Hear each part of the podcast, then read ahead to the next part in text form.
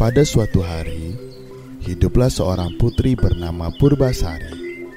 Dia merupakan anak bungsu dari Prabu Tapa Agung yang merupakan raja dari kerajaan Pasir Batang.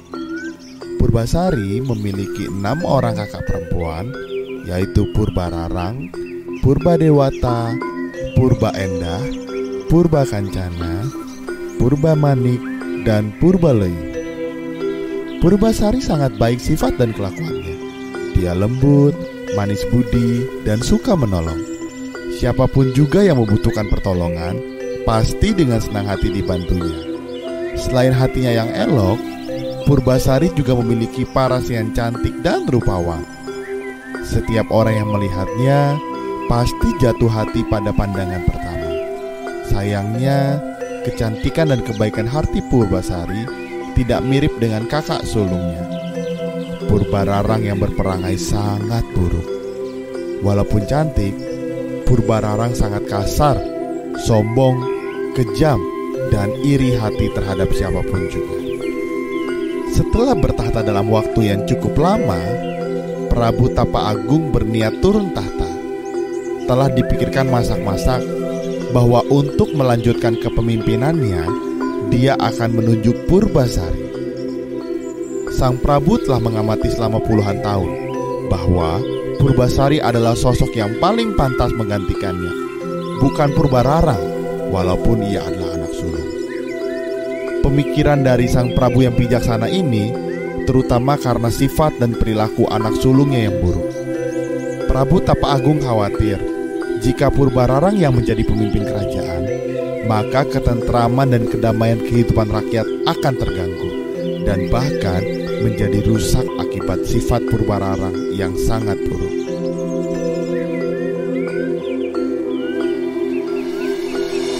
Di hadapan seluruh pembesar kerajaan dan juga ketujuh putri kesayanganku, aku, Prabu Tapa Agung, Raja dari Kerajaan Pasir Batang, menyerahkan tahta kerajaan kepada Purbasari. Prabu Tapa Agung lantas meninggalkan istana kerajaannya untuk memulai hidup barunya sebagai petapa. Purbararang marah luar biasa mendapati tahta kerajaan Pasir Batang diserahkan kepada adik bungsunya. Maka, berselang satu hari sejak penobatan Purbasari menjadi ratu kerajaan Pasir Batang, Purbararang dan Indrajaya tunangannya meminta bantuan nenek sihir untuk mencelakai Purbasari.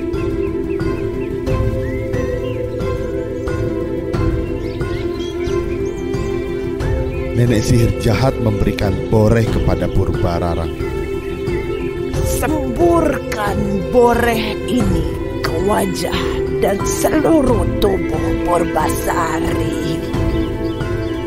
Baik, Nek. Akan aku lakukan. Purbararang segera melaksanakan pesan dari si nenek sihir. Boreh itu disemburkan ke wajah dan ke seluruh tubuh Purbasari. Akibatnya, seluruh tubuh Purbasari penuh dengan bercak-bercak hitam yang mengerikan. Dengan kondisi tersebut, Purbararang memiliki alasan untuk mengusir Purbasari dari istana. Orang yang dikutuk hingga memiliki penyakit mengerikan ini tidak pantas menjadi ratu kerajaan Pasir Batang. Sudah seharusnya dia diasingkan ke hutan agar penyakitnya tidak menular.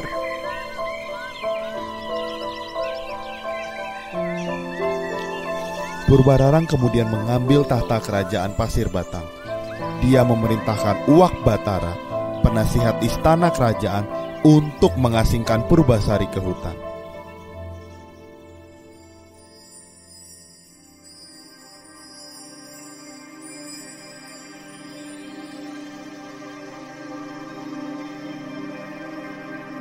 Di sisi lain, terjadi sebuah masalah besar di Kayangan. Pangeran Guru Minda tidak berkenan menikah dengan bidadari Kayangan seperti yang diperintahkan Sunan Ambu ibunya. Pangeran Guru Minda hanya berkenan menikah dengan perempuan yang kecantikannya setara dengan ibunya. Sunan Ambu menjelaskan bahwa sosok perempuan yang secantik dirinya hanya akan ditemui Pangeran Guru Minda di dunia manusia. Namun, jika pangeran Guru Minda bersikeras ingin menemui wanita sesuai keinginannya itu, dia harus pergi ke dunia tidak dengan bentuk pangeran Guru Minda yang gagah dan tampan, melainkan harus dalam wujud penyamaran berupa lutung. Lutung Kasarung namamu. Apakah engkau bersedia melakukannya? Pangeran Guru Minda menyatakan kesediaannya. Setelah menjelma menjadi seekor lutung, Pangeran Guru Minda segera turun ke dunia manusia dan tiba di hutan. Dalam waktu singkat saja, Lutung Kasarung sudah menjadi raja para lutung dan kera di hutan tersebut. Hal ini sangat wajar karena tidak ada kera dan lutung yang mampu menandingi kesaktiannya, kecerdasannya, dan kekuatannya. Lutung Kasarung mendengar tentang keburukan dan kekejaman dari Purbararang yang bertahta sebagai ratu di kerajaan Pasir Batang. Ia ingin memberikan pelajaran kepada ratu yang kejam tersebut. Maka, ketika terdengar rencana Purbararang mencari hewan kurban di hutan, Lutung Kasarung membiarkan dirinya ditangkap oleh orang-orang suruhan Purbararang. Sebelum dijadikan hewan kurban, Lutung Kasarung tiba-tiba mengamuk dan menimbulkan kerusakan di istana Pasir Batang para prajurit kerajaan pasir batang yang berniat menangkapnya dibuat tidak percaya. Melihat kondisi prajuritnya yang satu persatu berjatuhan, Purbararang meminta Uwak Batara untuk menjinakkan Lutung Kasarung. Hai Uwak Batara, bantu aku untuk menjinakkan hewan buas ini. Anehnya, ketika Uwak Batara maju ke medan laga, Lutung Kasarung seperti tidak berniat menyakiti Uwak Batara.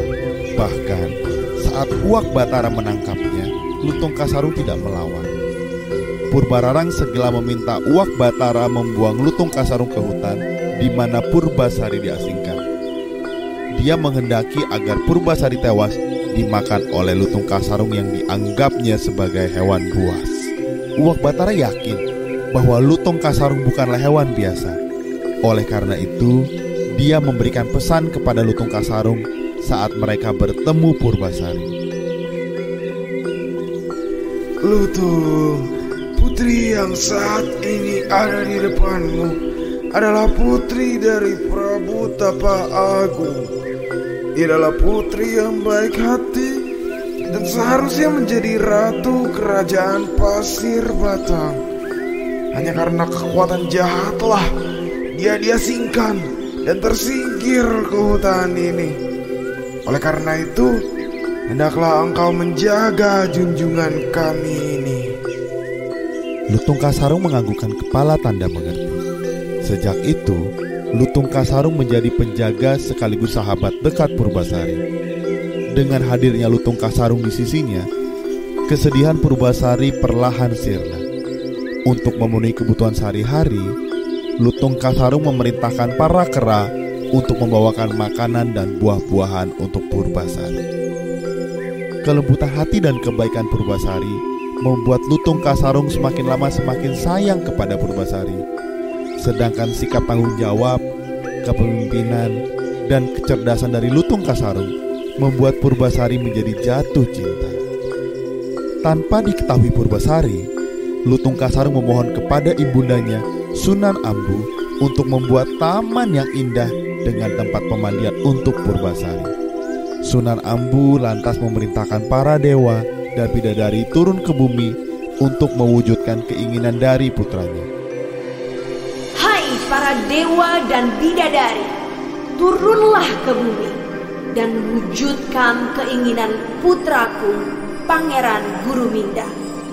Para dewa dan bidadari membuatkan taman dan tempat mandi yang sangat indah untuk Purbasari. Pancurannya terbuat dari emas murni. Dinding dan lantainya terbuat dari batu pualam. Air telaga yang mengalir berasal dari telaga kecil yang murni bersih dengan doa-doa dari para dewa. Para dewa dan bidadari menyebut taman yang indah itu sebagai jamban salaka. Selain dibuatkan telaga dan taman yang indah, para bidadari menyiapkan beberapa pakaian indah untuk Purbasari. Pakaian itu terbuat dari awan yang lembut dengan hiasan batu-batu permata dari dalam lautan. Tidak ada pakaian di dunia ini yang mampu menandingi keindahan pakaian Purbasari. Pada saat melihat telaga dan pancuran yang indah, Purbasari segera mandi untuk membersihkan diri. Pada saat itulah boreh kutukan yang menempel di wajah dan tubuhnya perlahan sirna. Kecantikannya telah kembali. Lutung Kasarung yang melihat hal tersebut menjadi terperangah dan tidak menyangka orang yang selama ini disayangi ternyata wanita yang sangat cantik. Bahkan kecantikan Purbasari dapat mengalahkan kecantikan dari Sunan Ambu. Walaupun Purbasari telah kembali ke wujudnya yang cantik rupawan, kasih sayang Purbasari terhadap Lutung Kasarung tidak berubah, malah terus bertambah. Kabar mengenai kembalinya kecantikan Purbasari terdengar oleh Purbararang. Purbararang tidak percaya dengan berita ini karena boreh yang disemburkan kepada Purbasari mengandung kutukan yang sangat jahat dan kuat. Purbararang lantas mengajak tunangannya untuk melihat kebenaran berita tersebut. Mana mungkin, mana mungkin kutukan itu bisa dipatahkan. Pangeran Indrajaya, mari kita masuk ke hutan dan kita melihat kebenaran dari berita tersebut. Betapa kagetnya dia melihat Purbasari telah kembali ke sosoknya yang cantik rupawan. Purbasari terlihat semakin mempesona dengan balutan pakaian dari para bidadari. Purbararang khawatir telah kembalinya kecantikan adiknya Purbasari akan mengancam tahta yang saat ini dikuasainya. Dia pun memutar otak untuk kembali menyingkirkan adiknya tersebut. Bahkan kali ini dia berniat menyingkirkan Purbasari untuk selama-lamanya. Purbararang lantas menantang Purbasari untuk beradu panjang rambut. Purbararang menelan kekecewaannya yang besar setelah terbukti bahwa rambutnya yang sebetis kalah panjang dengan rambutnya Purbasari yang sepanjang tumit. Purbarana sangat malu mendapati kekalahannya.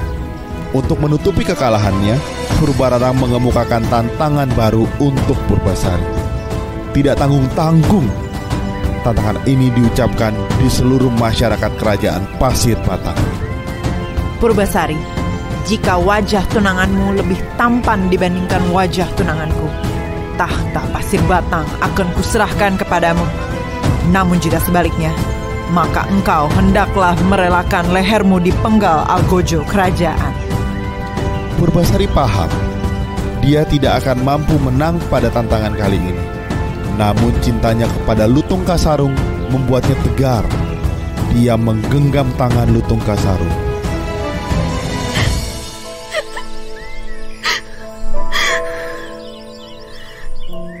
Lutung Kasarung, aku tetap mencintaimu dan ingin engkau menjadi suamiku.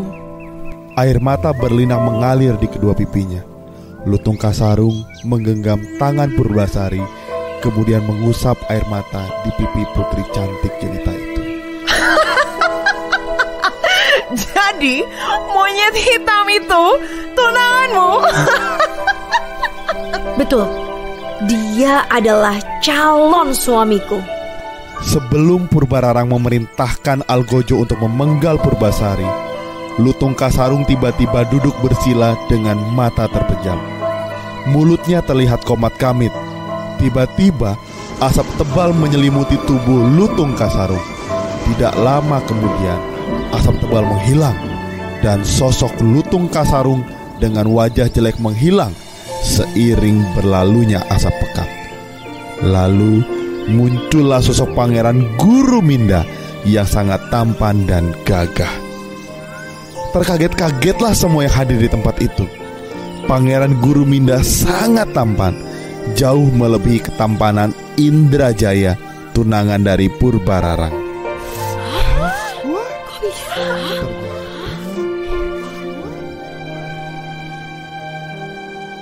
seluruh rakyat memilih Pangeran Guru Minda sebagai pria yang lebih tampan. Purbararang tidak dapat menyangkal dan mau tidak mau mengakui kekalahannya. Tidak ada lagi yang dapat diperbuatnya selain menyerahkan tahta kerajaan Pasir Batang kepada adiknya Purbasari. Dia pun memohon ampun atas kejahatan yang telah dilakukannya bersama Indrajaya. Maafkan aku adikku. Tolong Tolong jangan hukum aku. Dengan kebaikan hatinya, Purbasari memaafkan kesalahan kakak sulungnya itu. Sejak saat itu, Purbasari kembali bertahta sebagai ratu. Segenap rakyat sangat bergembira menyambut ratu mereka yang telah kembali dan terlepas dari belenggu pemerintahan Purba Rarang yang jahat. Mereka semakin berbahagia mengetahui bahwa Ratu Purbasari menikah dengan Pangeran Guru Minda yang tampan dan gagah. Ratu Purbasari dan Pangeran Guru Minda pun hidup berbahagia selamanya.